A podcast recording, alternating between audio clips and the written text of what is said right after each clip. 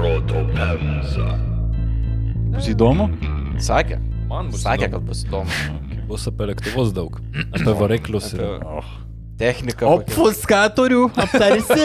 Kas yra Aš obfuskatorius? irgi nežinau. Mano obfuskatorius labai stempęs paulai.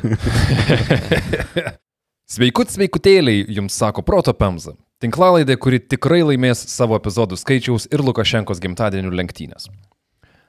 Labas, Džambo ar Hoi Hoi, jums iš studijos Vilniuje sako publicistinės poezijos pilotų patronas Tomas. Ahoj, hoj. Oi, u. Aksominis anarchistinės aristokratijos aitvaras Aivaras. Džambo! Stiprių sąmojų ir silpnų kelių stewardesė Vilius. Žirkienai linkia į kanibalizmą. Sveiki. Ir aš, pakelkit kojas, man čia reikia pavalyti, Povilas. Šį kartą proto Pemzas istorijų dirižaplis skrydžiai pakils Sovietų sąjungoje. Šaltojo karo įtampos termometrą užkaitins įžulus lietuvių tėvų ir sunaus planas palikti raudonąją sistemą. Sistemą, kurios įniršys vysis juos per pusę gaublio. Jūsų ir mūsų dėmesiui pirmojo sėkmingo pabėgimo iš SSRS užgrubent lėktuvą istorijų. Epizodą skiriu visiems Sovietų sąjungos apologetams. Šiandien pažadu, kad epizode bus lėktuvų, krūvinas hantelis, pora eilėraščių, anegdotas, bent vienas kunigas, O, KGB agentų ir tik du lavonai. Prieš pradedant noriu atiduoti didžiausią pagarbą šaltiniams ir jų autoriams. Ruošiantis padėjo krašto apsaugos ministro Arvido Nušausko knyga KGB visiškai slaptai. Kanzaso universiteto publikuotas Eriko R. Scotto darbas The Hijacking of Aeroflot Flight 244 States and Statelessness in the Late Cold War. Nice. o visgi skaitai. Šiauriai geras straipsnis. Okay.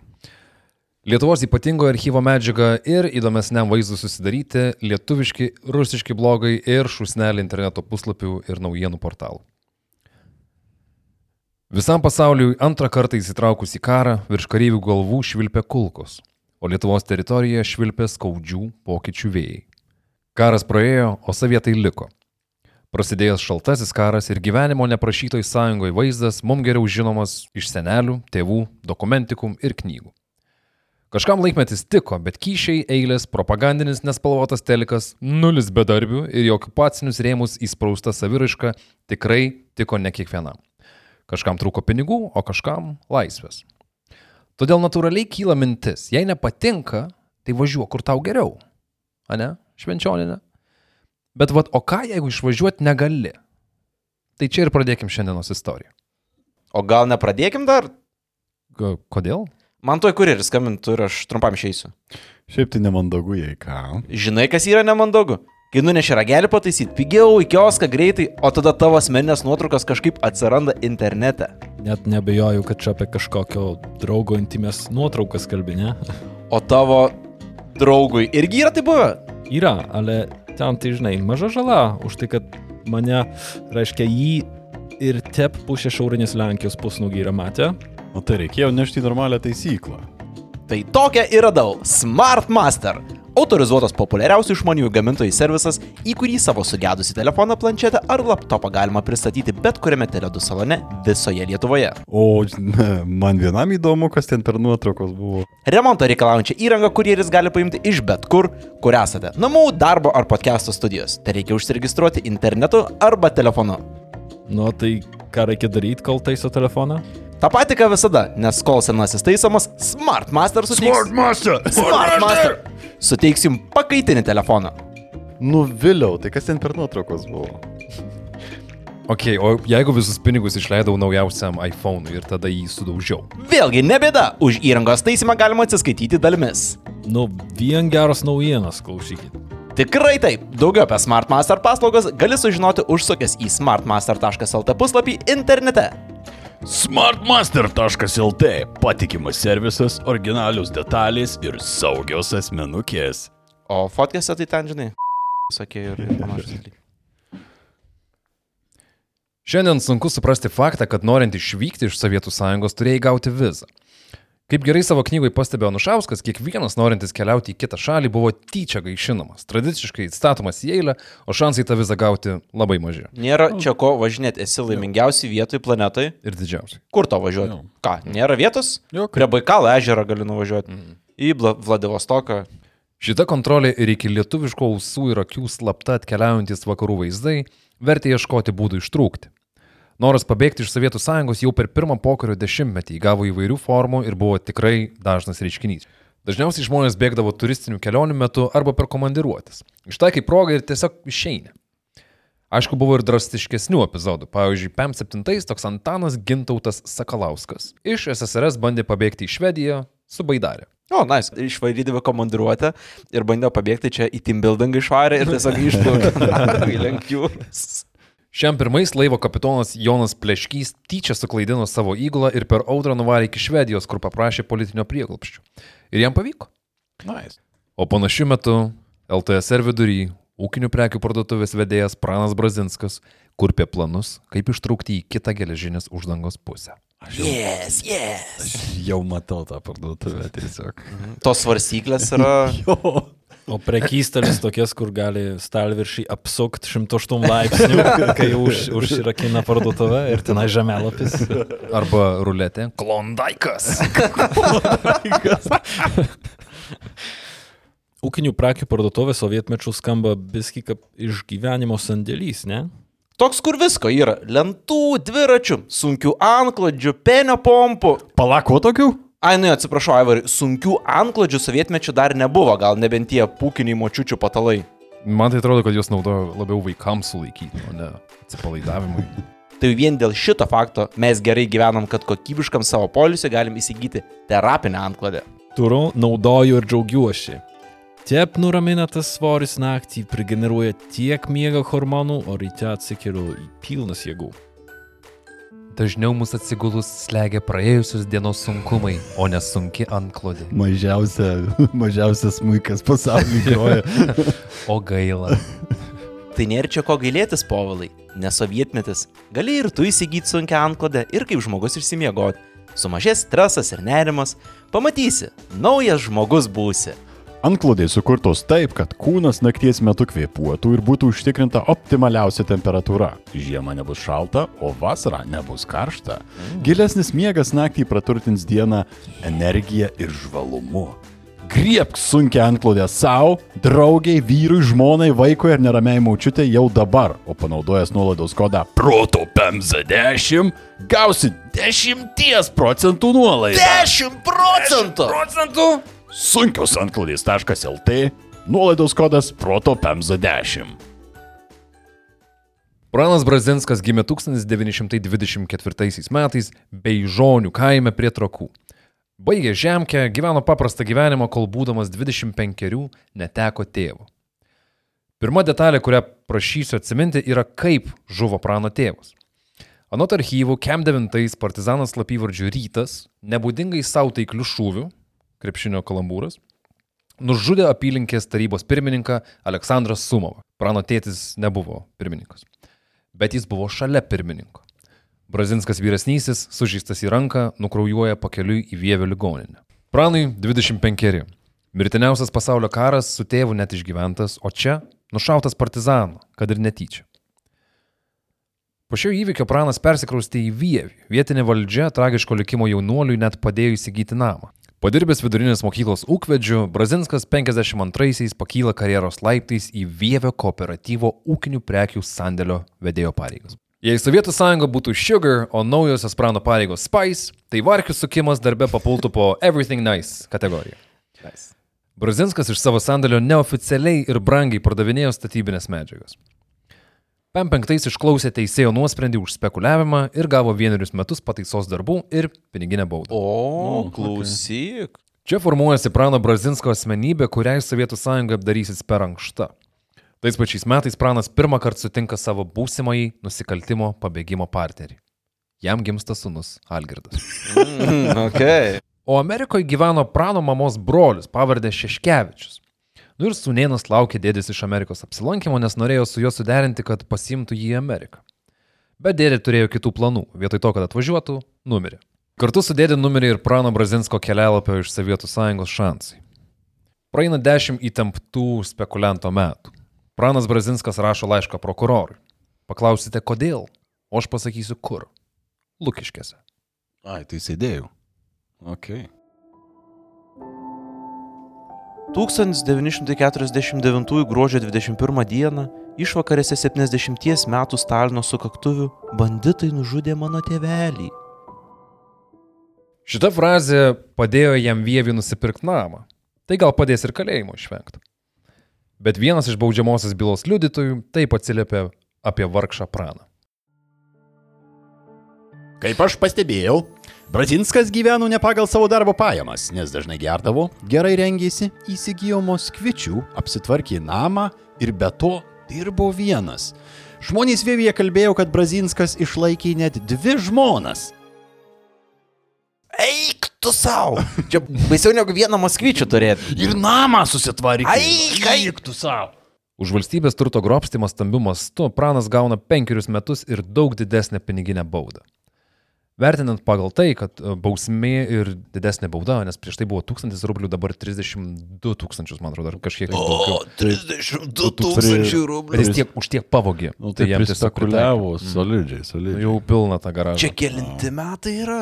Šiam penkti. Tai čia beprotiška suma Jo, pinigų. čia Bet jeigu įvertinsim bausmę ir baudą, tai galim sakyti, kad Brazinskas jau buvo apsisprendęs, kokiu karjeros keliu eis. Jo, jo.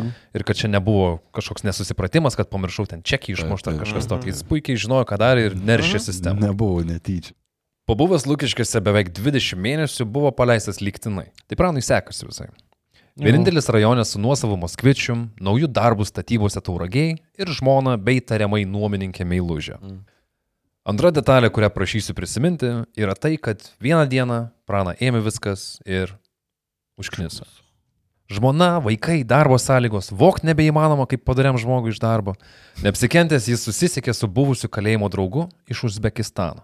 Pakalbėjo, susikrovė turėtus rublius ir dolerius, išsiskyrė su žmona, pardavė namą vievį ir su meilužė kambariokė išvarė į Kokando miestą Uzbekistane.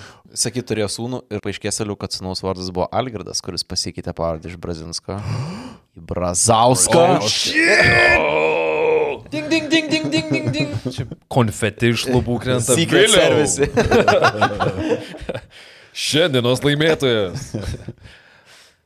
Ir Brazausko biustas vietoj disko bolo, taip nusileidžia. Robo Brazausko Robo visas. Brazausko. Ah. Tiesiog šitą- įsilauna pro duris. Prostatas. Tu mane prikėlėjai.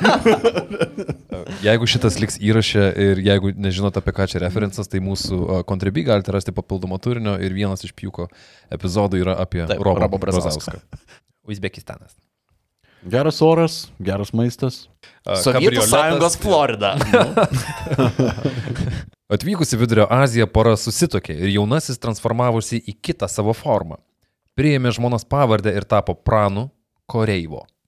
Ai, tai tos kambariokės buvo Koreivo. Taip. pavardė. Okay. Jaunoji Jis bandė slėptis, reiškia, irgi. maskavo savo praeitį. Jo. Taip. Ir matysim, kad šitas motyvas atsiras Okay. dar dažniau. Jefferson Darcy. Čia išvedęs ir turi. Jo. Žmonos pavardė. Jaunoji beje buvo Vievio kooperatyvo buhalterė Alina. Kaip Koreivo. yra gerai turėti buhalterę Milužę, iš tikrųjų. Viskas suskaičiuota bus. Nu, Net nebejoju, kad namo pardavimo čekius jinai e, susteiplė. jo, jo. Uzbekistane pranas užkūrė verslo pečių iki labai pelningos temperatūros. Iš Lietuvos į Uzbekistaną jis siuntė įvairius audinius, kilimus, mašinų detalės ir tenai parduodavo brangiau ir taip po truputį krovėsi krūvas rublių. Ir ten jau nieks negaudė. E, Jis labai konspiratiškai į skirtingus adresus, skirtingais vardais, į skirtingus Okay. okay. miestus ir labai daug. Jis už vieną kažkaip siuntimą buvo rašyta, kad uždirbdavo 4-500 rublių, kas būdavo O, va, didžiuliai 2-3 suma. mėnesiai, gal net pusę metų darbininko paprasto jo, algos. Čia didžiuliai pinigai. O čia viena varkė. Tai čia tokias verslas nuo nulio. Mhm. Praėjus trejiems metams po prano pabėgimo iš Lietuvos, į Uzbekistaną atvyksta 13-metis Algirdas ir gyvena su tėčiu ir naujaja mama Alina. Tai pala, jo, jo sunaus vardas iš tikrųjų yra Algirdas. Taip. O. Nieko nenori sakyti? Gerai, o kelinti čia metai tiksliai yra? E, Šiam aštuntį. Šiam aštuntį. Taip. Okay. Visiems išskyrus pirmąją prano žmoną atrodo viskas susitvarkė. Tačiau lik šaibai iš pošvarios kaldros metus apgaubė antrą. Tačiau lik šaibai iš pošvarios kaldros metus apgaubė antrosios detalės dežavų. Prana vėl viskas užkniso. Na, jau buvo nepastovus toks biškiai, Mm. ne? Dvelgia tokiu oportunizmu šiek tiek, ne? Mhm. Vat pamatau, darau, noriu dar daryti, neišeina. Mhm. Ne. Turint omeny e, epizodus, pavyzdžiui, apie Rostovo skerdiką ir apie tuos visus e, psichopatus, žudikus, Mhm. kyla įspūdis, kad milicija nebuvo baisiai kompetitinga tyrti nusikaltimus. Tai iš kur jie užuosdavo šitą visą e, ek ekonominius kriminalus? Yra dvi, du kampai, iš kurių tave gali susekti. Pirma, tu, kaip ir pirmai kalbėjom, gyveni ne pagal savo pajamas. Ir tiesiog gyveni tokį flashį gyvenimą. Tai mato visi Ir aplinkiniai. tai mato visi. Jau yra tai savaime problematiška. O antrą pamiršau. Aš tai gal tik tai pridėčiau, kad šiuo atveju ir daug lengviau, kai yra tokia situacija, net tas, kad žodis būtų skleidžiamas. Nedaug dievė kažkam nepatepė ir iš karto yra pranešama pareigūnams, pranešama tam tikriems skyriams, kad va šitas bičias čia atvažinėja kažką keistai taiso, daro ir taip toliau. Man atrodo, tai buvo daug labiau paplitę, ar ne? Bet šiuo atveju, man atrodo, yra daug lengviau pagauti, nes tu vis tiek esi matomas kaip, kaip darantis kažką ne taip. Kyla įspūdis, kad jis neturėjo plano kažkokio. Jis neturėjo tikslo, dėl ko jis kaupė šituos turtus, ką jis su jais nori padaryti, jis tiesiog nori prabangos kažkokios. Galima būtų pagalvoti, kad kapitalo kaupimas buvo susijęs su ketinimu dingti iš Sovietų sąjungos mhm. į e, kiek laisvesnį pasaulį, kur mhm. Tokio kalibro žmogus tikriausiai suprato, kad kapitalas labai svarbu yra. Pradžiui pabėgti, pabėgti, ką, nuo nulio vėl pradėsi, o jeigu su lagaminėliu nuvarysi, tada tikėtina, kad ta pradžia bus biški Tas, patogesnė. daug. Vėlgi, neaišku, ar tokie ir buvo jo motyvai. Kita vertus, gal žmogui tiesiog patiko pinigai. Ne? Jeigu jis, kaip suprantu, užaugęs yra per karo metus, jo. Tai matęs ir skurdo tikriausiai, ir žinai, tas skurdo matymas skatina akumuliuoti pinigus tam, kad niekada nebebūtum tokioj, Mhm. tokioj būsenai. Arba ne, nežinau. Šiaip jūs labai gerai irgi vėl užkrapštėt e, dalyką, nes noras dingti iš šalies buvo motivuojamas dar ir tuo, kad truputį užsidarinėjo tos uh, jau bre- teisės saugos sienos aplink jį, nes uh, KGB domėjosi juo. Ir tu jau kaip esi teistas, aš aišku nežinau visi sovietų apologetai gal uh, irgi papasakot galėtų, arba šiaip gerbėjai Sovietų sąjungos, bet uh, manau, kad jeigu jau esi nusikaltėlių įskaitoj kažkokioj, tai jau esi potencialiai kažkiek uh, filtruojamas kaip galbūt linkęs nusikalsti dar kartą. Plus, tu esi lietuvis Sovietų sąjungos Floridai. Jau nėra tipinis gyventojas, ne? Mhm. O už maždaug 3000 km nuo Kokando ir atsitiktinai beveik panašiu atstumu nuo Punsko, vėjas nešė smėlį ant lėktuvų pakelimo tako. Dawson's Field buvo aerodromas Zarkos mieste Jordanijoje. Ten per kelias 70-ųjų metų rugsėjo dienas Palestinos išlaisvinimo liaudės fronto nariai privertė nusileisti keturis užgrobtus lėktuvus su iš viso keliais šimtais įkaitų. Visa drama truko mažiau nei savaitę, žuvo tik vienas palestinietis, visi įkaitai buvo išgelbėti. Pagrobėjai į pabaigą net susprogdino tuščius lėktuvus. Tai iššaukė net pilietinį karą Jordanijoje, bet palestiniečiams pavyko gauti tai, ko jie ir norėjo. Buvo paleisti keli jų politiniai kaliniai. Pagrindinis ginklas šito istorijai buvo ne šautuvai, ne sprogmenys, o patys lėktuvai. Ir jie ant to tako sprogo lygiai taip pat, kaip Prano Brazinsko vaizduotė už tų 3000 km. Metas nuvaryti lėktuvą. Nice. Bet mes žinom, kad jis žinojo šitą istoriją, ne? Taip, čia jo įkvėpimas. Okay, nice. Tai galėjau netgi ir nepranešinėti tuo metu, kad, o žiūrėkit ten, kur vakarai. Taip, taip, taip, Kas čia dabar darosi? 1970 rugsėjo 24. Amerikos topuose pirmoje vietoje laikėsi Dianos Ross Ain't No Mountain High Enough. Mm, nice. puiku. Šita daina galėjo skambėti kažkokiu būdu ir Prano Brazinsko galvoje, kai jis pakilo skrydžiui į Vilnių. Nuo Dawson's Field užgrobimų praėjo vos dvi savaitės, bet per jas Pranas spėjo išsiskirti su Alina, vėl susirinkti turimus pinigus ir pasimti sūnų Algirdą kelioniai į naują ateitį. Perfrazuojant mokslininką Riką, 20 minučių nuotykis Algirdai. Varom. Lėktuvų degalų bakai sovietmečiu buvo tokios patalpos kaip ir dabar. Orlaviai būdavo užpilama reisui reikalingas degalų kiekis, todėl grobti lėktuvą, kuris skrenda iš Uzbekistano į Lietuvą, nelabai apsimokėjo. Mhm. Nebent norėtum lėktuvą užgrobti tik pakilus ir bandyti pabėgti į Afganistaną, bet reiktų daug degalų užpilti ir šiaip Afganistanas neskamba kažkaip geriau už Sovietų sąjungą. Tai, Jo. tai, skry... Pabėgsiu į Šiaurės Koreją. tai skrydis į Vilnių nebuvo tas skrydis. Tiksliai žinoma, kad Vilniui Pranas ir Algirdas buvo spalio 7-13 dienomis, 70-ais. Ejot kasdienėts laikus. Pinigais. Spalio 14-ąją tėvas ir sunus sėda į dar vieną lėktuvą. Susikrovė pinigus ir ginklus, tiksliau ginklą turbūt. Jie skrenda į vadinamąjį Juodosios jūros Las Vegasą - Batumi. Mm. Jo.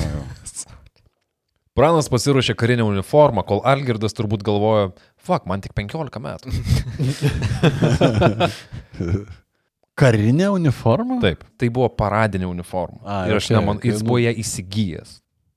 Lemiamo skrydžio bilietais pasirūpino iš anksto. Kitą dieną jie turėjo būti Batumio oro uoste, iš kur pakils skrydžiui į kitą Sakartvelo miestą - Suhumi. 105 km šiaip yra atstumas, kas nėra daug. Mhm.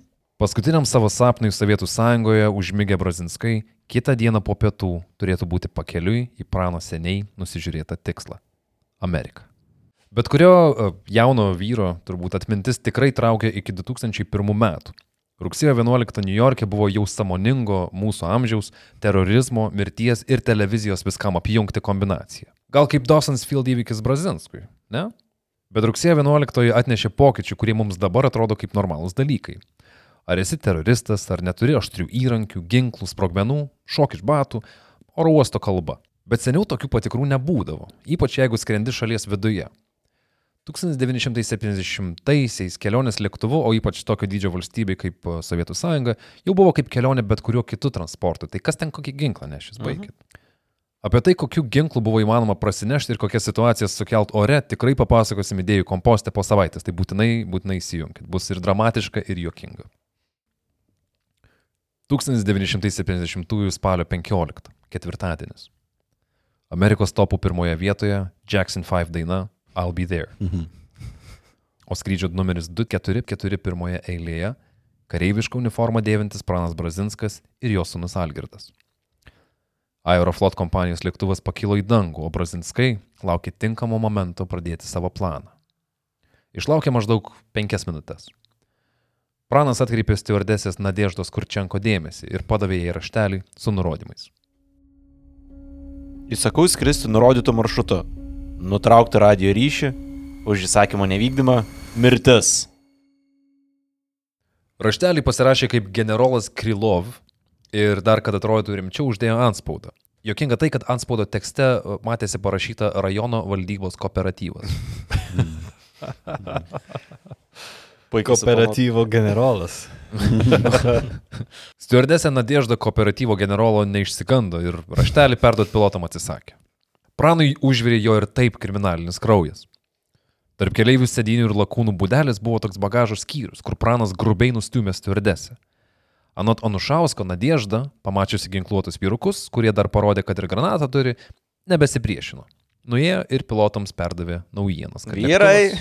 Vyrai, yra problemų. Kaip savo darbę mini Erikas Skotas, pilotai bandė Brazinskus sumėtyti staigiai nerdami žemyn. Anušauskas tvirtina, kad Nadieždai pavyko nusigauti iki pilotų kabinos ir uždaryti duris. Abu šaltiniai truputį kaip ir prasilenkia arba papildo vienas kitą ir praleidžia kai kurias detalės, bet dėl vieno fakto tikrai sutarė, kad pasigirdo šūviai. Ir tiesiog visai eilė žmonių lėktuve sėdi ir žiūri. What Man the fuck? Go. įstėsti. Pirmą kartą lėktuve ir mažai galvoju, o, okay. Jau galima atsisekti. ploja. Pašauta 19 metė Nadiežda Kurčenko krito ant lėktuvo grindų. Damn. Vyresniajam Brazinskui toliau šaudant buvo sužeisti borto mechanikas ir šturmanas. Pranas riktelė kapitonui, kad varom į Turkiją, pasakiau. O ką tuo metu veikia jaunėlis Algirdas? Į pilotų kabiną bando verštis vienas keleivis, bet po kelių Algirdo šūvių greitai apsigalvoja. Lėktuvo kapitonas nusprendžia nesiterliot su šitais dviem nusikaltėliais ir pasipriešina Pranui, bet sulaukia kulkos. Beveik visa įgula sužeista, stewardesė nebekvepuoja, o Pranas atsisuka į vienintelį nepaliestą likusį antrąjį pilotą. Krūvinas lėktuvas virš Juodosios jūros pradeda daryti posūkį. Kita statelė - laisvė. Anot Roberto Holdeno straipsnio The Contagiousness of Aircraft Hijacking, Tarp šiam 8 ir 72 visam pasaulyje spėkit, kaip dažnai įvykdavo lėktuvų užgrobimas. Du kartus per mėnesį. Keturis įk per metus. Have no idea. Beveik kas savaitę, kas 5,5 Ai. dienos.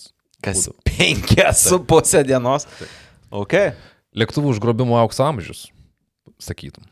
Todėl pasaulio mastu šitas įvykis turėjo būti traktuojamas kaip koks pirmadienis, nieko ypatingo. Užgrobti lėktuvą ir jo nusileisti Turkijoje Brazinskam užtruko mažiau nei valandą. Trapzono miesto oro uoste nusileidęs lėktuvas apsipamas pareigūnų, kurių vienas įlipa į vidų. Jis nueina iki pilotų kabinos, kur sėdi Brazinskai ir įvairaus sužeidimų lygio įgula. Perskaito prano surašytą raštelį ir jo paklausia. Kieno čia lėktuvas? Čia mano lėktuvas ir mano belaisviai. Nei tėvas, nei sunus nesipriešino suimami. Ironiška, kad didysis prano Šerloko ir Algirdo Watsono virsmas laisvais žmonėmis prasideda kalėjime. Laisvas kalbėti, laisvas keliauti, laisvas meluoti. Brazinskam paprašius politinio prieglapščio Turkijoje, vietos pareigūnai labiau norėjo pakalbėti apie faktą, kad buvo nušauta stewardesė, o dar trys įgulos nariai sužeisti. Nusikaltelis pranas nusprendė viską pradėti iš naujo, net ir savo istoriją.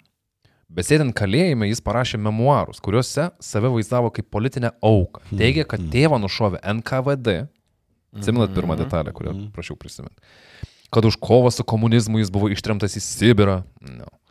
Ir kad keliaudamas po Sovietų sąjungą veikė su pogrindiniais antikomunistais. Irgi. Nice. Sąrašas ilgas, bet mūsų krašto apsaugos ministras jas apibendrina kaip fantazijas. Tačiau toks scenarijaus posūkis buvo reikalingas, jei Brazinskai nenorėjo būti gražinti į Sovietų sąjungą, kur juos pasitiktų išskėstomis rankomis ir šūvių į galvą. Reikėjo išsimeluoti iš mirties.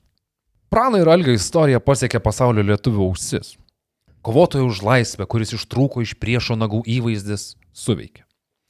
Vyriausiasis Lietuvos išlaisvinimo komitetas skyrė tūkstančius dolerių padėti Brazinskam. Pagalba buvo tokio lygio, kad Brazinskus teisme gynė buvęs Turkijos teisingumo ministras. Ok. U. Tai čia nėra Brazinskai išsimelavo šitą šūvį, Mhm. mhm. bet uh, Litus mėtė Amerikos lietuvių. Mhm. Tai Brazinskai gavo tūkstančius palaikymo laiškų, o tarp palaikančiųjų buvo net JAV kongreso narių. Įvyko teismas, turkų teisėjai patikėjo Prano ir jo sunaus istoriją ir suteikė jiems politinį prieglobstį. Išvykti iš Turkijos Brazinskai negalėjo, nes buvo nuteisti už Nadieždos nužudimą, bet dėl teisinės sistemos skilių Sovietų sąjungai jie pristatyti nebuvo. Kremlius turėjo tik tai vieną klausimą. Ar jūs juokaujate? Nusikaltimas virš SSRS teritorijos, SSRS priklausančiam lėktuve ir su SSRS priklausančiais piliečiais. Tai viskas sako, kad mums reikia tų dviejų Mhm. žmonių. Tai Brazinskai sėdi kalėjime. 72 sovietų spaudimas turkam davė rezultatų ir teismas panaikino jų politinį prieglapstį. Bet Brazinskai ir jų pagalbininkai darys viską, kad už spigliuotos tvoros riaumojančios meškos letinos ten ir liktų.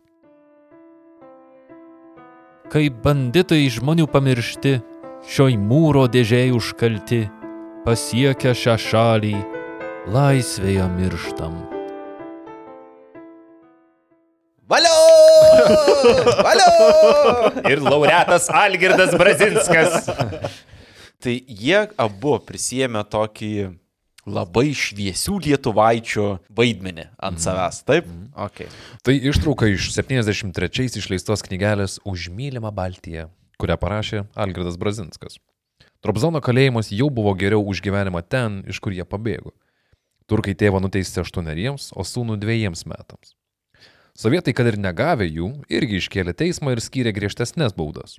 Tėvui tradiciškai už tokį bairį mirti, o sūnui 10 metų. Okay. Tu tik grįžk. Sovietų sąjungoje likę giminės, pažįstami draugai ar buvusios žmonos buvo tardomi KGB.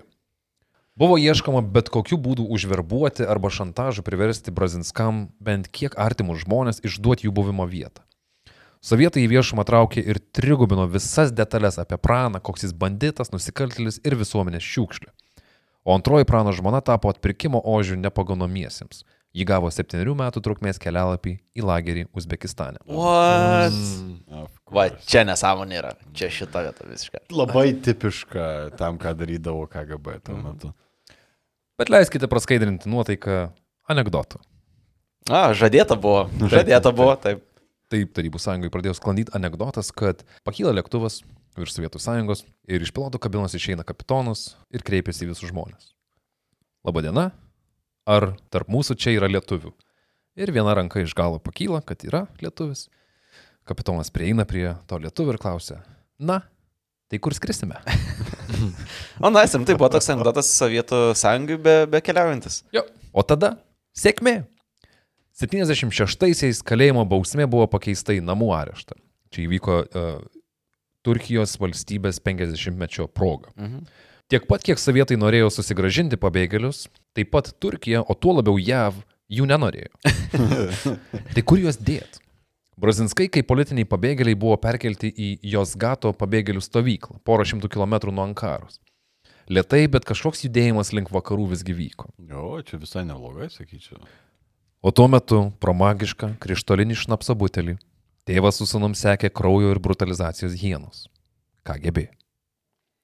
Brazinskų byla gavo skambų pavadinimą - Piratai. KGBistų užduotis buvo sekti pabėgėlius, rasti, kur jie apsistoja ir visą istoriją pabaigti pritaikant SSRS teismo sprendimą - nužudant. Keista būti biški Sovietų sąjungos pusėje tuo metu. ne? Aš šiuo, šiuo metu dar tikriausiai per visą mūsų epizodą laiką, nes tai buvo nei vienoje pusėje. Tarsi. I don't know, man, čia vi- visi blogiečiai atrodo šitoj, šitoj istorijai. Stuck in the middle with you. Tai jau šiuo metu turim pasaulinio masto veiksmo filmą. Apsimetėliai pabėgėliai. Pavadinimu piratai. Piratai. Taip, taip, Kaip rusiškai piratai yra? Piratai. Tai apsimetėliai pabėgėliai, jų besikratančios vakarų valstybės, pasaulio lietuviai gelbėtojai ir įžeista sovietų valdžia. Rašoma, kad JAV prezidentas Nixonas, sužinojęs apie Brazinskų pabėgimą, pasakė, kad labai gerai. Labai gerai, kad. Labai gerai. Bet tuometis JAV valstybės sekretorius Kissingeris pasakė, kad šitų pabėgėlių vieta yra ne Amerikoje ir tai neturėtų būti Amerikos vyriausybės reikalas. Jausdami pastovę įtampą dėl galimos ekstradicijos į Anapilį, Pranas Algradų pabėgėlių stovyklai neužsibuvo ir iš jos pabėgo. Kaip netikėta. 1976 birželio 23 trečiadienis - Ankara. Brazinskai pasirodo JAV ambasadoje su vienu tikslu - gauti leidimą išvykti į Ameriką. Vizo, aišku, niekas jam duoti negalėjo ir nenorėjo. Bet vyrų desperacija situaciją privedė prie to, kad jie atsisakė palikti ambasadą, o pranas net bandė susižaloti. Vienur sakoma, kad bandė pjautis venas, kitur sakoma, kad dūrė parkerių savo į pilvą. Tai jis nepaleidžia savo teroristinių įpročių ir toliau mėgina šantažuoti. Iš ambasados šitą šeimyną iškrapštyti pavyko tik tai su lietuvių diasporos atstovų pagalba. Veltija. Einam, pranai, einam. Kiek galima. Šiaip juos, taigi, mėgo lietuviai, ne? Mm. Vat ambasados darbuotojai. Sveiki, gal galit pasiimti uh, savo šitus, ką žinau, vienas su ūsais, kitas per jaunas iš vis čia būtų. Tai bet tada jau kokie 21 turėjo būti, ne jeigu 76, o jie... 76, Jeigu 70, jo. Jo, tai jau suaugęs. jau. Na, vis- Puikia paauglystė su tėvu Turkijoje visą laiką. Per daug užsitęsusios atostogos. Anthony ir Mary Rudis buvo Amerikos lietuviai įsitraukę į Brazinskų gelbėjimo operaciją nuo pat pradžių. Mary Rudis arba Marija Rudienė buvo bendrojo Amerikos lietuvių fondo prezidentė. Labai rimta moteris, kuri išsiderėjo, kad Amerikos valdžia paspaustų turkus, kad tie išrašytų reikiamus popierius palikti šalį. Rudienė būtų atsakinga už Brazinskus ir už kryptį, kurią tie turėtų nunykti. Svarbu, kad kuo toliau nuo JAV ir nuo Turkijos dienotvarkių. Pone Rudis savo adresų knygelį surado seniai rinktą numerį. Už 2000 km į vakarus suskambo telefonas. Ladas Tulaba, kunigas, teologas, karo metu iš Lietuvos pasitraukęs į Vokietiją. Jį likimas nuvedė iki pat Romos, kur kem penktais jis įsteigė popiežiškąją Lietuvių Švento Kazimiero kolegiją ir buvo jos rektoriumi. Kunigas sutiko padėti Rudieniai, pažadėjęs apgyvendinti Brazinskus savo kolegijoje, kuri ir buvo įsteigta šiaip e, šviesti lietuvių disidentus. Tai čia jau kvietimas link Romos būtų, ne? Mm. Roma yra tas, ta Mhm. kolegija. Tai čia jau iš, Turki, iš Ankaros Į jie Romą. turėtų į Romą. Taip, vėl į vakarus. Mhm. Progresas vyksta. Mhm. 1976 Liepos 11, sekmadienis. Ponas Benjamin Nil su pone Nil ir ponas Tomas Fosteris atvyksta į Italiją. Netikrus vardus ir dokumentus begliams slapta parūpino ją vyriausybė, kuris sovietams aiškino nieko apie nieką, niekaip nežinanti. Sovietai nujautė, kad bėgliai greičiausiai nebe Turkijoje, nu, bet nieko tokio. KGB šunų pavadėlis ilgas. Jokia šalis nenorėjo priimti Brazinskų, o Italijos politikai supratę, kas reziduoja jų teritorijai, turėjo renkti neįlinius posėdžius turbūt, kad tik šitos dvi karštos bulvės būtų išsistos bet kur ir kuo toliau. Kokie šašai du. Ai, ai, kur tik nusėdo, tai visus. Palauk, kas tokie? Čia tokie žmonės pelėsiai gaunasi šiek tiek. Po beveik trijų savaičių JAV ambasada Romui gavo valstybės sekretoriaus Henry Kissingerio telegramą.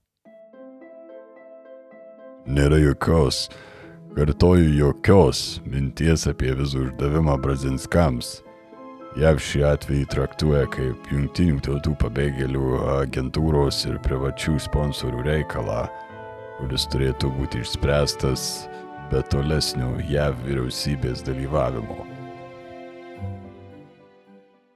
Čia, kai pagalvoju, ta Kissingerio pozicija nėra tokia labai keista, nes jeigu jie kiekvieną tokį atvejį pradėtų priimti, kai kas nors sako, o mes norim prieglapšio, tai labai tų lėktuvo pagrobimų padaugėtų dar daugiau negu Taip. kas penkias dienas, ne? Tikriausiai tą kiekvieną dieną jau turėtum po... po- Real politik vienas ryškiausių taikytojų. Na, tai Na jeigu tu nenori konfliktų daugiau, nei jų jau yra ir taip, tai ką daugiau bedaryti. griežtesnių būtų. Nu.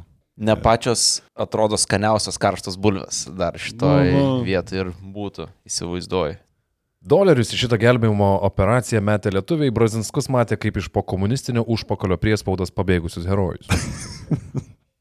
Šitiek stengtis būtų buvę neįmanoma, jei pagalbininkams būtų žinoma bent pusė prano nuotykių gimtiniai.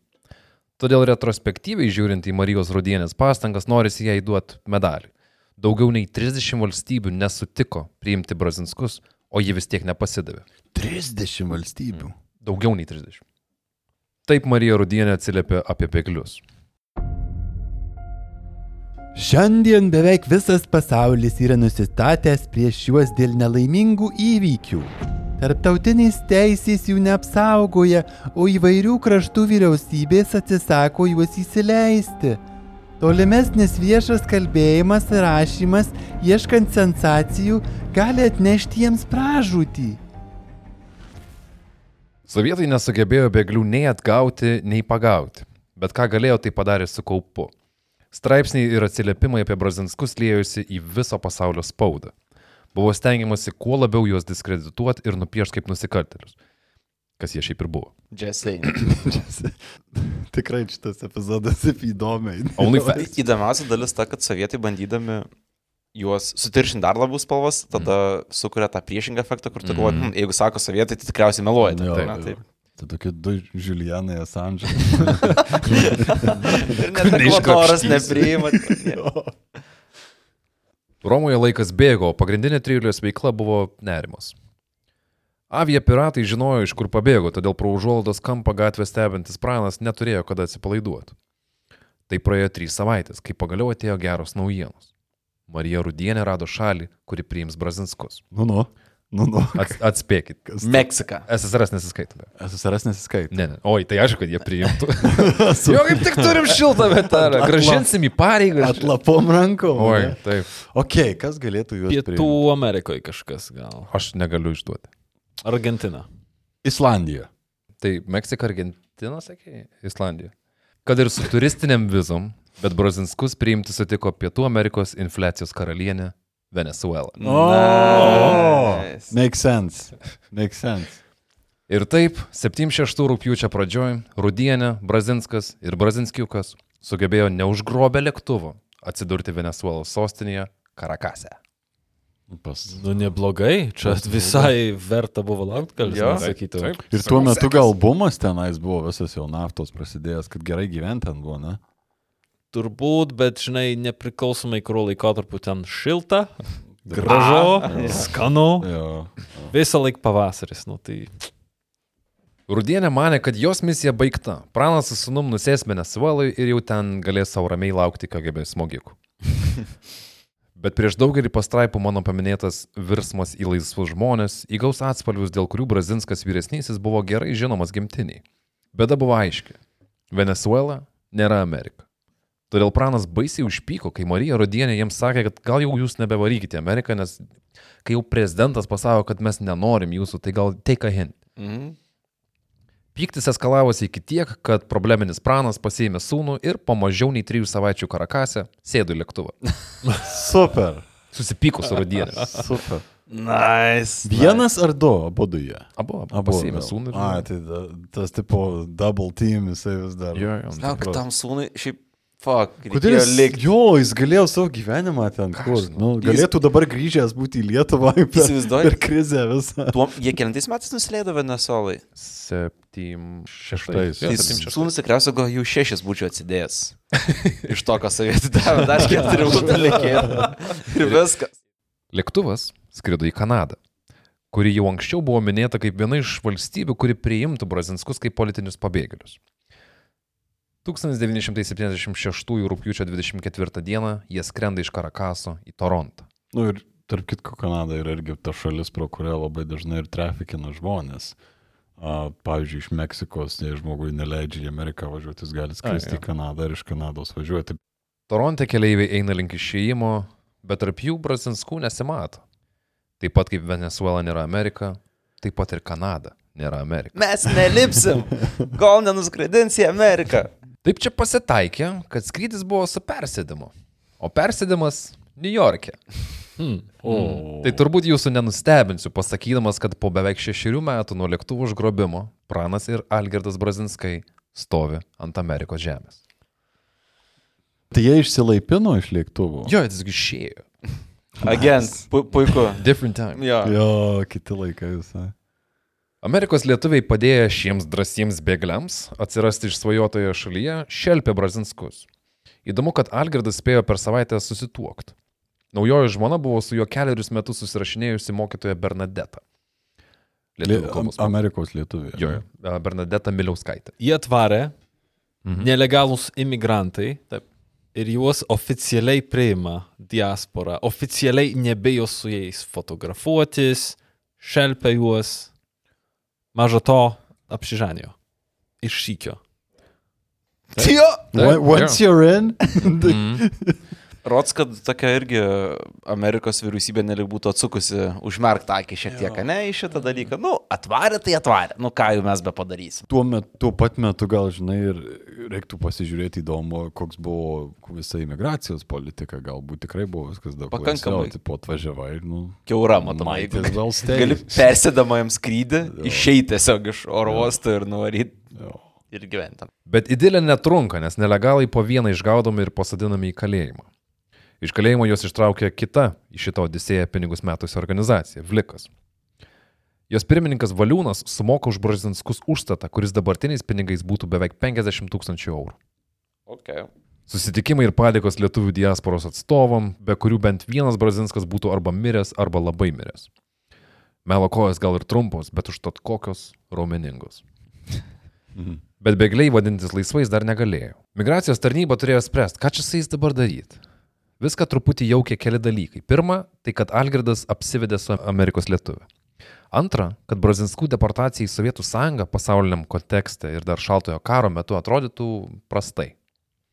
Ypač po to, kai 70-ais, trys savaitės po brazinskų, Simas Kudirka peršoko į JAV laivą Mm.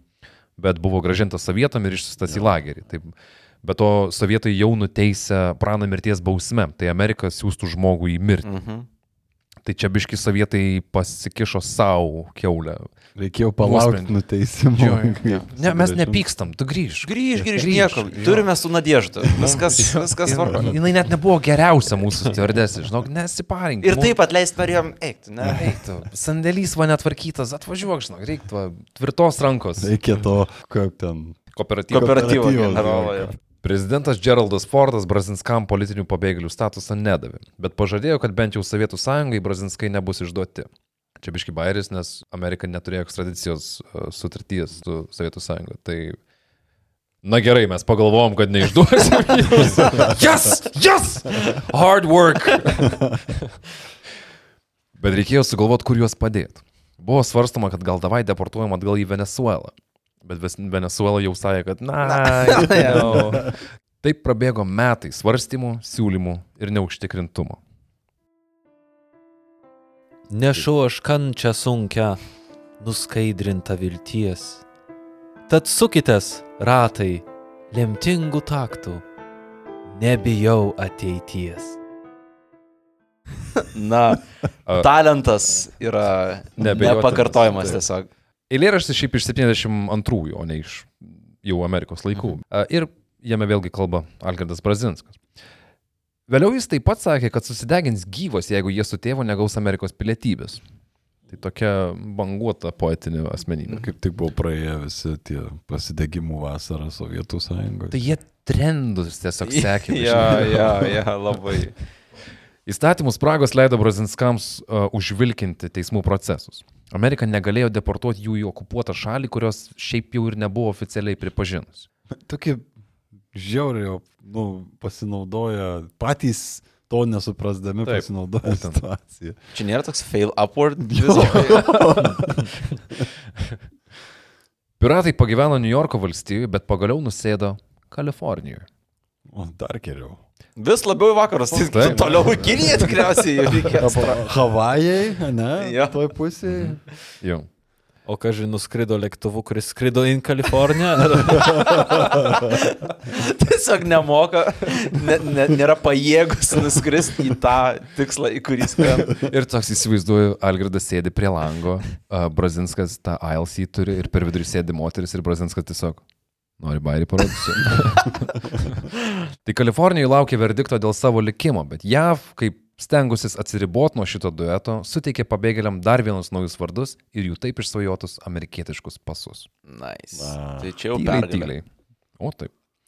Pranas tapo Franku White'u, o Algirdas Albertu Viktoru White'u. Puiku. Ėjo metai, keitėsi prezidentai, nesikeitė tik Sovietų sąjungos pasipiktinimas, kad atiduokit piratus, melagiai jūs. Šita jautina tiek užsitęsė, kad Brazinskai buvo viena iš priežasčių, kodėl SSRS boikotavo 84 olimpiadą Los Andželę. Hmm. Kaip savo darbę rašo Erikas Skotas, nors Sovietų sąjunga pralaimėjo kovą dėl savo pabėgusių piliečių ekstradicijos, ji neabejotinai laimėjo konkursą panaudoti bylą politiniais tikslais. Whitei Santa Monikoje bandė kabintis į amerikietišką svajonę. Įsidarbino dažytojais, o Algirdas įstojo į universitetą. Vietinė lietuvių bendruomenė juos dar keliarius metus sutiko viešame gyvenime, bet po to Whitei pritilo. Bent jau lietuvių bendruomenėje, kuriems tikroji Franko ir Alberto istorija buvo vieša paslaptis. Pranas taip ir neišmokęs angliškai vos valdė alkoholizmą ir pyktį. Kaimynus, praeivius ir net savo sūnų gausiai apdovanodavo riksmais, grumojimais ir net grasinimais nužudyti. Kriminalinė Brazinsko praeitis susiliejo su postave baime, kad į duris paskutinį kartą pasibels KGB. Jų dviejų kambarių būtas tapo prano ginklų sandėliu. Pasibaigus šaltajam karui, Brazinskai savo pačių sugalvoto herojiškumo istoriją galėjo pasakoti nebent vienas kitam, nes abiejose Atlanto pusėse palaikymas subliūško. Algirdas tapo buhalteriu ir vedė dar kartą. Vieną 2002 dieną tėvui pasakė, kad kraustysis į Malaziją, nes ten dirbo jo žmona. Tėvui tai nepatiko. O ką veikė pranas? Nieko. Nieko. Nedirbo. Dažytojai dirbo, o paskui dviračiu važinėjosi po apylinkę. 2002 vasario 5 antradienis. JAV muzikos topo pirmoje vietoje Ašerio daina You Got It Bad. Didžiosios Britanijos Enrique Iglesio daina Hero. Puikiai Brazinskų istoriją atspindinčios dainos, manyčiau. 911 dispečerė pakelia ragelį, bet niekas nekalba ir pokalbis nutrūksta. Po kiek laiko tas pats numeris perskambina. Kitame ragelio gale Algirdas Brazinskas. Operatoriai jis pasako, kad jį norėjo nužudyti tėvas, todėl jis gynėsi ir netyčia tėvą užmušė. Damn. Atvykusi policija sulaikė Algirdą, o bute rado prano Brazinsko kūną sumuštą galvą. Nusikaltimo vieta buvo, kaip vėliau išsiaiškino tyrėjai, truputį pakoreguota. Algirdas prie tėvo padėjo ginklą, aprinko krūvinus daiktus ir rūbus ir atsikratė nusikaltimo įrankio, kuris greičiausiai buvo Hantelis. O, štai kur pradžioje minėtas kraujas Antelis. Ko nepadarė KGB kulkos, padarė aštuoni sūnaus smūgiai. Teisme Algirdas tvirtino, kad yra nekaltas, kad tėvą užmušė netyčia, gindamasis nuo jo agresijos. Jis ilgai pasakojo apie smurtų ir nusikalstamą veiklą išmargintą savo tėvo praeitį. Taip iki galo į dulkę sutrindamas kažkada pasaulio lietuvius pakerėjusią drąsių bėglių istoriją. Los Andželo teismas Algirdui skyrė 16 metų kalėjimo, tai jis 2018 turėjo būti paleistas, bet e, neradau, kur jis ir ką šiuo metu veikia. Algirdai, jeigu klausai, paneik šitą visą istoriją. Protopemza atagimil.com. Arba komentaruose. Arba O, komentaruose. dar geriau. Brazinskų istorija, kaip ir jų gyvenimai, buvo banguoti. Nusikalteliška praeitis SSRS buvo užtinkuota ilgamečių melu, kuris bėglius atvedė į jų norimą tikslą. Tačiau apgaulį įžengus į amerikietišką svajonę, jis sužydėjo baimę ir pykčių, o pabaigoje nusidažė krūvinom spalvom. Ar tikslas pateisina priemonės? Herojai ar banditai? Klaipėdai 15 metų prastovėjo ažulinis kryžius, kurio brazinskai buvo įapžinti kaip didvyriai. Santa Monikoje daugiau nei 15 metų žmonės baiminosi kaimyno Franko ir laikė jį banditu. Amerikos lietuvių organizacijos turėjo pasijusti išdurtos, kai paaiškėjo, kad toli gražu ne visas bėglių praeities detalės buvo sovietų sugalvota propaganda. Savo įžulumu Pranas ir Algirdas Brazinskai į istoriją vis tiek įėjo kaip pirmieji užgrobę komercinį skrydį Sovietų sąjungui, bet nusileidus už geležinės uždangos ir melagystėms išsivėdėjus, Brazinskams daugiau pasaulio akise pakilti lemta nebuvo. Į šaltojo karo pečių, kaip šiferis sušokė tėvas ir sunus, ir buvo viso labo piratai. Nice. Nu, įdomi čia, įdomi povilai. Papasakai įdomi istorija. Šiaip jau, va, pasinaudosiu progą, besiruoždamas šitam epizodui, tiek prisiskaičiau apie visokius pabėgimus. Jeigu bus įdomu, tai tikrai ir aš, ir Aivaras jau biškai uh, spurda padaryti kažką, tai tikrai šitos temos uh, nepaleisiu, nes yra nuostabių istorijų. Mhm. Ačiū už istoriją. Labai matosi, kad vis tik reikėjo pasikapanoti ir pasižiūrėti uh, turbūt prieštaringas istorijas, nes, kaip suprantu, buvo labai tokie kardinaliai besiskiriantys pasakojimai, kurie sklandė. Nu, o ne, vieni pristatė kaip didvyrius, kiti pristatė mhm. kaip banditus, visą tai. Tai ačiū tau, kad, kad pavyko atsijoti grūdus nuo pelų. Uh, Kiek jau- įmanoma, Jo, jau, jo. jo, kiek įmanoma, nes aišku, tų daug dalykų panašu taip ir liks po vėlėną jau šiuo momentu. Bet žinai, a, tu pabaigai tokia gan pesimistiškesnė nata, ar ne, kad jie buvo tik tai piratai, bet tai vis tik buvo piratai, kurie pasiekė savo galiausiai. Tas pirminis tikslas vis tik ne, nebuvo turbūt tapti didvyriais, tai sugebėjo, nu bent jau senasis, sugebėjo didžiąją dalį gyvenimo pragyventi velteidžiaudamas ir Jie visai gavo normaliai. pilietybę, kitus žmonės kryžius keliu, nu, jie ir kryžius kelia nuo iki to, bet fuck, pilietybę Jo, gavo. jo. Pavykę piratai. Mhm. Jo.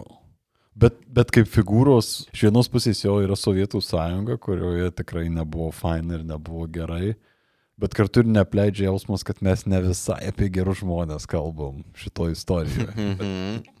Staiga supranti, kodėl Žičkytai buvo lengviau apie Kudirką padaryti filmą, o ne Aha. apie juos. Jo, labai, jo, jo. jo, istorija daug labiau nesti, nei netgi, ar ne Kudirkos, kur irgi kai kurios detalės buvo, buvo išimtos. Tai, tai jo, labai ačiū, labai įdomu. Ačiū. Jo, aš prisidėsiu prie padėkų lavinos povilai į, į tavo pusę.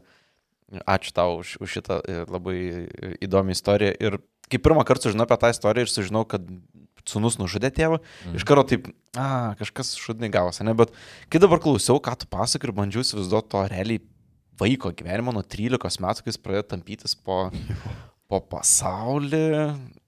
Ir dar Lemba! tokiom būklėm, tokiom e, sąlygom, ar ne kokiom. Kiek, žin, ar pati laimingiausia atrodytų tavo ta gyvenimo jaunystės e, dalis? Aišku, ne Sovietų sąjungų užaugti reikėjo, kaip ten uh, nelaimingiam žmonėm teko, bet kita vertus, šūdina, net visą laiką bei, kad tave KGB nužudys. Bet, bet kuriuo atveju, kaip ir Aivaras minėjo, labai sunku šitoj istorijai. Gal net nereikia bandyti įsivaizduoti, ar čia yra geriečiai kažkur, ar, ar blogiečiai. Turim tokį semai banditą, ne kažkokį, kuris nu, pavagė lė- lėktuvą ir pabėgo iš Sovietų sąjungos. Tai vien iš savęs šitas, e, ši- šitas įvykis yra toks įdomus. Aš nežinau, ar daugiau yra lietuvių teroristų oficialiai, ne, kurie būtų lėktuvų pavogus. Yra? O yra. O, nice, geras. Šito ne- keleivinių lėktuvų, kad būtų pavogusi lietuvių yra. Yra. Ok, Aš ok. linksiu ir... Atsijimu savo žodžius tada, bet e, ne ką mažiau dėl to įdomu išgirsti apie šitai. Ir tikiuosi, kad padarys kas nors Netflixas, pavyzdžiui, ne lietuviai, apie tai filmą, kad būtų galima labai lengvai tas spalvas, na, nematyti visų tų dalykų, kur mes linkę priskirti. Vien dėl to, kad buvo Sovietų sąjungai, buvo auka. Mhm. Mhm, mhm. Dėkui, man šita istorija visiškai nauja. Ir man visiškai neskambėjo, kaip geri žmonės, nei vienas, nei kitas. Čia kažko gero nerandu juose. Ir toj galbūt spekulacija, galbūt kriminalinė veikla, tokia, nu, morališkai, o ne pagal Sovietų sąjungos standartus, kas yra, kas yra nusikaltimai. Iki pabėgimo gal kažkiek labiau gaila Algirdo už tai, kad jis 15 metų intrauktas į tėvo planą kažkokį ir yra priverstas šaudyti žmonės fucking lėktuve. Nu, nežinau, neskamba kaip sveikas kažkokias Jo, jo, jo. momentas gyvenimo. O klausimas. Mhm. Ar yra žinia, už ką jis užmušė tėvą? Kas ten įvyko? Jie susipyko, nes Algirdas pasakė, kad jis krausis į Malaziją. Pranas pyko ant Algirdo ir jau tas jo pyktis buvo galbūt tas jau toks senatvinis pyktis, bet ir šiaip, kai tu prasinervinai visą gyvenimą toje Amerikoje, kur galbūt radai ne tai, ko ieškojai, tai viskas tiesiog susideda į tokį piktą, kaip vienam šaltinį rašė, kaprizingą senį. Ir jie susipyko, e, kai Algirdas jau krovėsi daiktus, tariamai tėvas pasikvietė jį į kambarį ir buvo lyg ir ar tai susimušta, ar tai gal, nepamenu, ar buvo ginklu kažkaip mojuota, bet uh, Algirdas sako, kad gynėsi. Tai Būtinis smurtas. Jo, gal galų gale, gal aš nežinau, kiek tai yra kaip versija keliamo, peršasi bent jau tokia mintis, kad, nu, kažkuria prasme, jeigu ar ne, nepavykdavo surinkti pinigų jau tuo metu, mhm.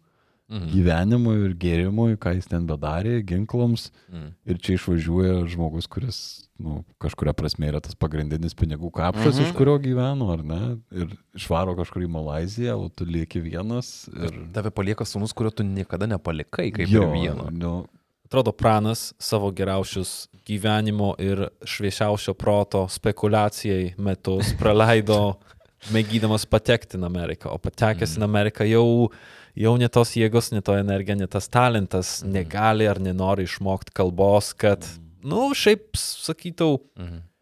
jeigu esi sėkmingas nusikaltelis Tarybų sąjungoje, tai Amerikoje tu turėtum būti dešimt kartų sėkmingesnis, dešimt kartų turtingesnis. Ir pasiliksiu paskutinį uh, įdomų faktą apie visą šitą istoriją. Tai Nadieždas vardu buvo pavadintos uh, gatvės, mokyklos, muziejai, karinis laivas ir net asteroidas. O, Už ką? Už uh, herojišką žūtį, kitų, uh, už herojišką žūtį piratų išpulyje. nu, Okay. Nu, nu, ką? Nu, Taip. gaila tau? Ko? jo, jo, okay, okay. Tai ačiū, kad klausėt. ačiū tau, Povilai. Jeigu dar norėsit išgirsti istorijų apie tai, tai aš jau čia penktą kartą raginu įsijungti uh, idėjų kompostą, šiaip tikrai bus. Uh, Ja, prašau įsijungti, nes Paulas jau tiek kartų sakė, jūs nesizuot, kiek kartų mums sakė, nes epizode liko trys kartai kokie. Kiek jisai sakė šito, tai Taip pat įsijunkit būtinai, uh, ką šneka Lenkija. Bet įdėjau kompostą labiau. labiau. Būtinai dėjau kompostą Šiaip, šiandien. ką šneka Lenkija, galbūt bus paminėta, kad įsijunkite idėjų kompostą. Tai uh, O idėjų kompostą galite rasti mūsų Contribui, uh, mūsų Contribui platformoje, ateikit ir mūsų Instagram paskyrą, ir Taip. mūsų Facebook paskyrą, Taip. ir mūsų Wikipedia, kuri vis dar laukia savo dienos. Taip. Tai, uh, o šiam kartui tiek. Skraidykit saugiai ir uh, susitiksim kitą kartą. Iki. Ačiū, iki. Viso gero. Šalalala.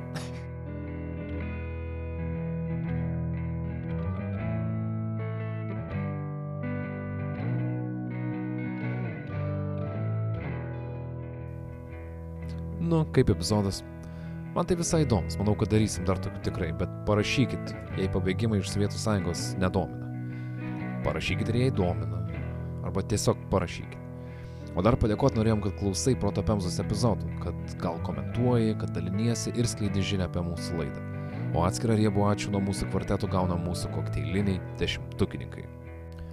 Rasa, Įman Zyman, Julius, Tomas, Renata, Irmantas Albinas, Laura, Dariušas, Žiedūnė, Jeva, Ernesta, Tautvydas, Dovilė, Augustė, Sandra Ingas, Simas Osvaldas, Gabija, Aušra, Tomas, Jurgita, Terry, e, ir Preideris, Aušrinė, Ante, Meridijam. A, Marius Nerys, Lincė, Giedrius, Roberta, Ernesta, Monika, Gabrielė, Walter Punk, Astas, Semas G, Mantas Kul, Mindaugas, Dan, Simona Rimantas, Rūta, Andrius, Vaidas, Persivalis, Mildelė, Justas Lina, Brigita, Marija, Nastiuša, Arvidas, Burbalicious, Saulis, Rūnas, Edvinas, Nešiai Pindrė, Diana, Rokas, Akvilė, Rasa, Ufo Nautas, Žygimantas, Jolita, Vyga, Greta, Giedrė, Rūta, Toma, Gabrielius, Benas, Rolandas, Tadas Justinas, Domantas Aurimas, Trų Aurimas, Jovita Eirimė, Ainas, Dominikas, Mikas, Artūras, Evelina, Matvidas Kūgis, Mogis, Gediminas, Džin, Dominikas Simas, Eglė Justinas, Kunigunda, Venskūnaitė, Aurita Šarūnas Jūry,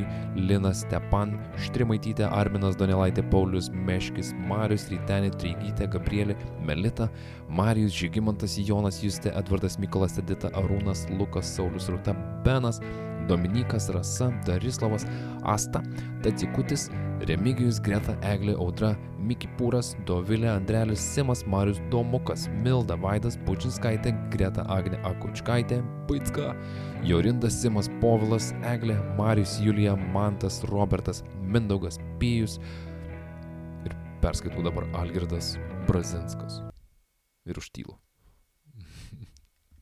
Pijus Paulius Pytautas Deimantė Mantas Dėdė Tomas Alvita Emantas Vilius Skirmantas Monika Aušinė Kristina Ungurių valdovas Arnas Aida Meteina Urtė Eglė Ginta Davilė Mantas Inesa Gaudentas Agnė Mykolas Diana Darius Lina Akvilė Raimondas Eitvidas Ina Gailė Miranda Justin G Jeva Agnė Darius Video Punk Dievas Agurkas Laimonas Petras Liudas Reda Paulius Raimondas Solveiga Kristė Vytautas Justas Almantas Miglė Karolina Audrius Kamilė Robertas Marijus Robertas Vaidotas Tomas Gerulė Gytis Irmantas Aretas Silvija Rokas Soliukė Elijus Martynas Kestas Dalė Tumėnė Gustė Lina Aistė Arnas Vilita Rimantė Seliukaitė Deima Donatas Gabrielė Rekas beveik šrekas Giedrius Kornelijus Čiguetė, Ignas Dovilis Simonas, Rima, Vika, Antropikas, Lukas, Jeva, Vilius, Matas, Greta, Mr. Mindaugas, Eimantas, Asta, Ugnė, Audrinis, Paulina,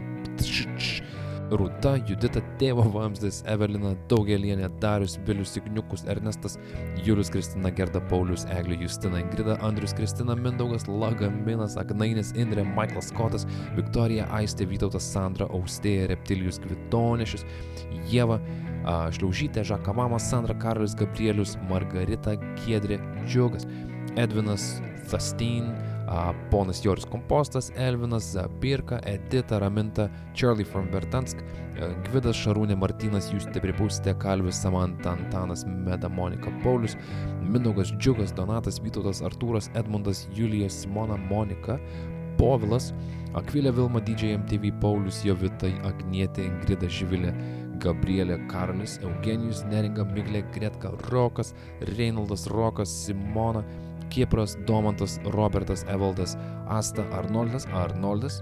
Vinrčikas, wow. Tomas Vaidotas, Medis, Betomburdė, Vagonetė, Jogilė, Alma Davidas, Tadas, Rima, Romualdas, Laurinavičius, Donatas, Miglė, Peisimantas, Erika, Markas, Grėtė, Lina, Maks galingumas, Martynas, Agnė, Renata, Haliucinas, Greta, Brigita, Barškalas, e, Gerda, Laurinas, Rapolas, Jėva, Viktorija, Kraliukutis, Ingrida, Vaidas, Nikštukų fabrikėlis, Neringa, Evaldas, Arūnė, Donatas, Baronas, Birutė, Birutė, Viktorija, Eimantas, Kamilė, Deimantė, Vytautas, Deimantė, Laimonas, Eksibo, Darius, Marius, Benedikta, Mantūzas, Kristina, Dovilė, Tomas, Hulinarė, Justinas, Sigita, Pemetra, Biesnorius, Donats, Ugnius, Linis, Dainora, Rita, Julija, Duke Silver, Artūras, Erikas, Tomas, Marius, Eglė, Erika, Giedrius, Mantas, Dietlovo Meškutės, Dainius, Goda, Viktoras, Irmantas, Evelina Martinas, Jėva, Emilijona, Gidijus, Mantvidas, Marzazilas, Daiva, Liuda, Dominikas, Pismantė, DJ Music, Pelėdžiukai, Monika, Jeva, Arūnė, Neringa, Milda, Audrius ir Gražvilė. Ačiū visiems, visiems jum. Negrobkit lėktuvų.